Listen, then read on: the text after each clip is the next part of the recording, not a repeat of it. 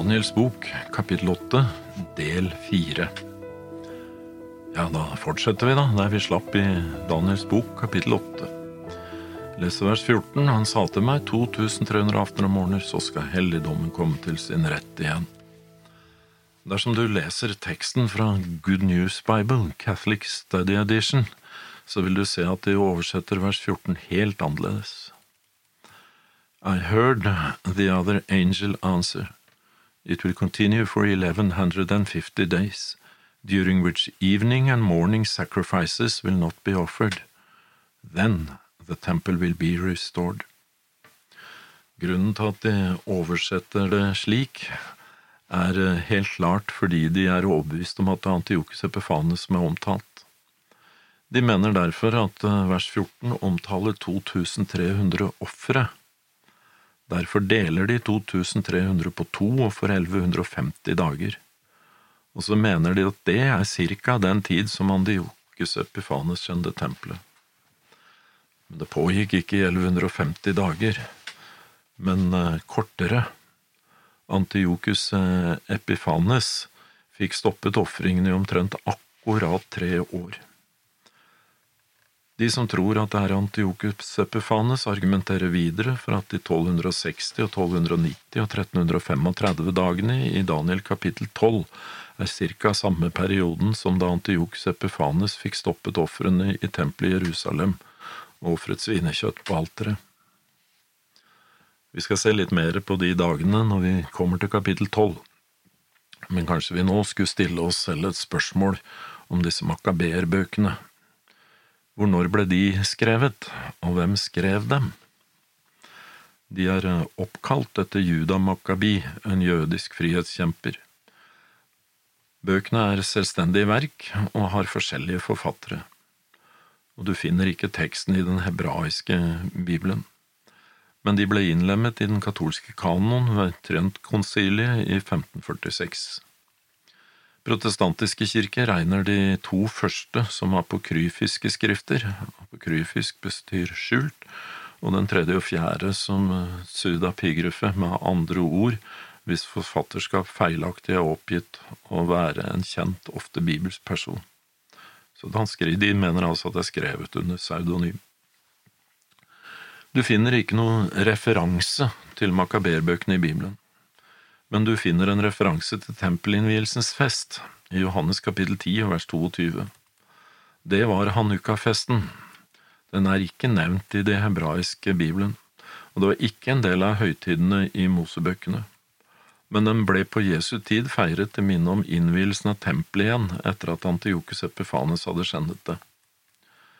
Fordi tidsperioden i Daniel 8,14 ikke stemmer helt med tiden som Antiokus Epifanes skjendet tempelet, bruker de Jesu utsagn i Matteus 24 vers 22 om at de dager skulle bli forkortet. Men som vi alltid har sett, de dager som Jesus snakker om, handlet ikke om Antiokus Epifanes, men om Jerusalems ødeleggelse og verdens ende, begivenheter som på Jesu tid lå langt inn i framtiden. Vi kan ikke da bruke det om fortiden, som jeg sa tidligere, er det Daniels bok Jesus henviser oss til, og ikke Makebeerbøkene for å få en forståelse. For meg så blir det veldig vanskelig, ja faktisk helt fullstendig umulig, å sette Aktiokus Epifanes inn som oppfyllelsen av det lille hornet i Daniel 8. Det er verdt å stille seg selv et spørsmål til, når begynte man å tenke slik? Og hvorfor er det så viktig å få oppfyllelsen av Daniel kapittel 8, det lille hornet, til å passe med Antiokus den fjerde Epifanes? Og jeg tror det er tre forhold som gjør det. Det første er frafallet etter Jesu andre komme. Det hadde vært en enorm Messias-forventning, for profetien pekte fram til den tid da Jesus kom. Men da Jesus kom, passet han ikke inn i deres forståelse. Derfor ville de ikke ta imot Jesus som Messias. Så hva skulle de da gjøre med profetiene, de som forutsa tiden for når Messias skulle stå fram? Derfor måtte man endre måten man leste dem på. Man måtte flytte fokuset bort fra Jesus som oppfyllelsen av de messianske profetiene i Daniels bok. Blant jøder og kristne har man så langt tilbake som man kan dokumentere vært overbevist om at Daniels bok har blitt skrevet under landflyktigheten i Babylon på 500-tallet før Kristus. Denne oppfatningen ble først betvilt av en filosof som heter Porfyrios, som levde fra 233 til 305 etter Kristus. I et femtenbindsverk retter han et voldsomt angrep på kristendommen, og blant annet på Daniels bok. Porfyrius argumenterte mot Jesu guddommelighet. Han forsøkte å sortere ut alt som var overnaturlig fra Bibelen, og han hevdet at Daniels bok var skrevet av en palestinsk jøde og måtte være skrevet etter Antiokus den fjerde Epifanes, ettersom den etter hans mening i detalj beskrev historiens gang fra landflyktigheten og fram til denne tiden. Denne kritikken ble så tilbakevist av kirkefedrene. Daniels bok sin ekthet ble siden ikke dratt i tvil for alvor igjen før på 1600–1700-tallet, og da i forbindelse med motreformasjonen. Siden da så har det vært to retninger som har dominert debatten. Den ene fastholder at profeten Daniel var inspirert av Gud og profeterte Guds budskap, og den andre anser at boken har vært en forfalskning, eller skrevet under falske forutsetninger av en ukjent jøde under Antiokus Epifanes sin tid. Det tragiske, det er jo at den sistnevnte holdningen har vært faktisk den toneangivende blant mange moderne teologer.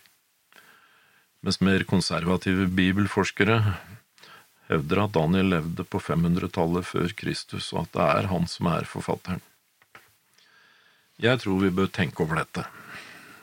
Hvordan kunne en som skulle ha forfalsket og skrevet Daniels bok etter år 165 før Kristus, skrive så detaljert både navn og årstall på historiske både personer og hendelser som man faktisk i århundrer ikke hadde noen historisk kjennskap til? fordi den kunnskapen ble begravet i Serkses den tredje sin regjeringstid, og den ble ikke gravd fram igjen før rundt år 1900 etter Kristus. Språket i den arameiske teksten i Daniels bok, både ord og stavemåter, gjør det også bortimot umulig at boken kan ha vært skrevet i det andre århundret før Kristus. Bevisene peker klart mot siste halvdel av det sjette århundret før Kristus. Fragmenter av Daniels bok er jo også funnet i dødehavsrullene. Jeg velger å forholde meg til Daniels bok som en del av Guds ord, og at den er inspirert av Guds ånd. Nettopp profetiene i den og dens nøyaktighet forteller meg det. Det veier også tungt for meg at Jesus refererer til boken og ber oss om å lese og å forstå den. Jeg vil anta at han visste hva han snakket om. Det andre forholdet tror jeg motreformasjonen etter Luther. Reformatorene levde under romerkirkens undertrykking, og de pekte rimelig entydig med Skriften i hånd på romerkirken som oppfyllelsen av det lille hornet og Antikrist. Det har i lang tid etter det vært faktisk det vanlige synet i flere av reformasjonskirkene. Vi bør jo spørre oss selv, da, om reformatorene var uvitende. Og et godt råd, det er å studere Skriften selv. Du må bøye knærne dine, og så må du be Gud om å åpne sitt ord for deg. Det er bare da du kan få vite noe om det.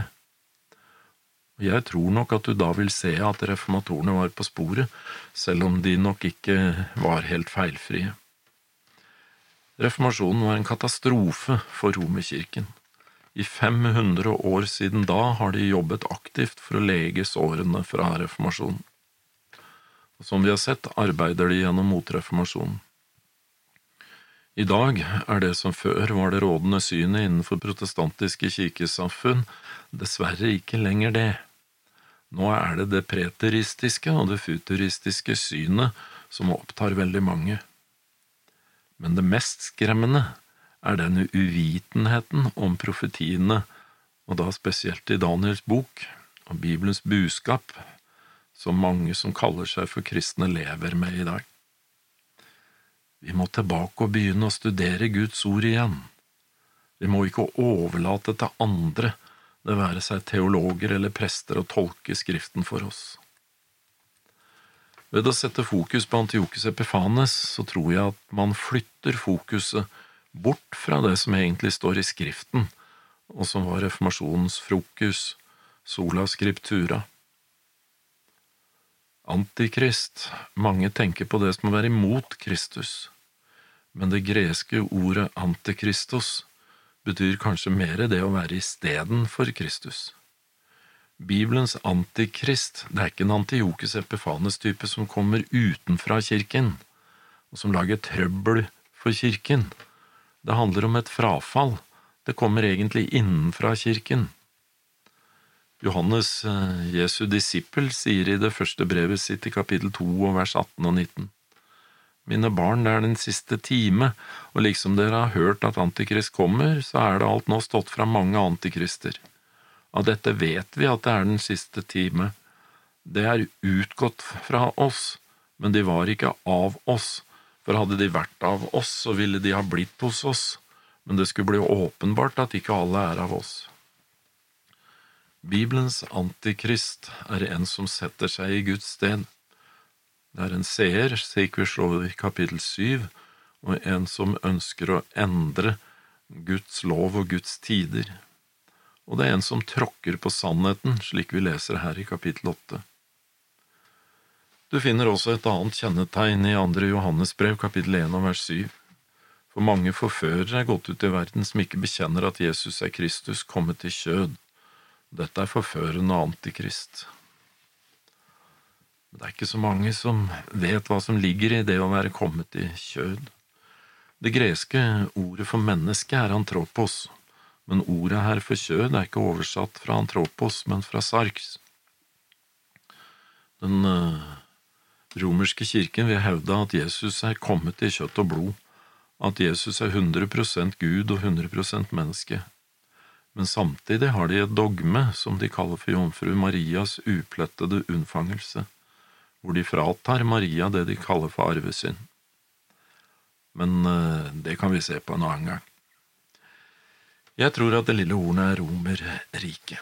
Rom begynte som et hedensk rike, men ble etter hvert annerledes. Det gir seg ut for å være kristent. Som jeg sa tidligere, så endrer teksten her fra vers 9 til 12 kjønn fra vers til vers. Jeg tror at det er en måte å beskrive Romerrikets to sider på. Hvis det stemmer, så skulle vers 9 omtale Romerrikets hedenske side. Fra ett av dem skjøt det fram et lite horn. Det vokste så måte stort mot sør og mot øst og mot det fagre land. Rom kom fra vest, gradvis fikk det større og større makt. Det fikk sitt herredømme i slaget ved Pydna i år 168 før Kristus. Etter dette vokste Rom seg bare sterkere og større, akkurat slik Skriften sier. Men vi får uh, gi oss her for i dag, og så får vi fortsette studiet vårt i Daniel kapittel 8 neste gang.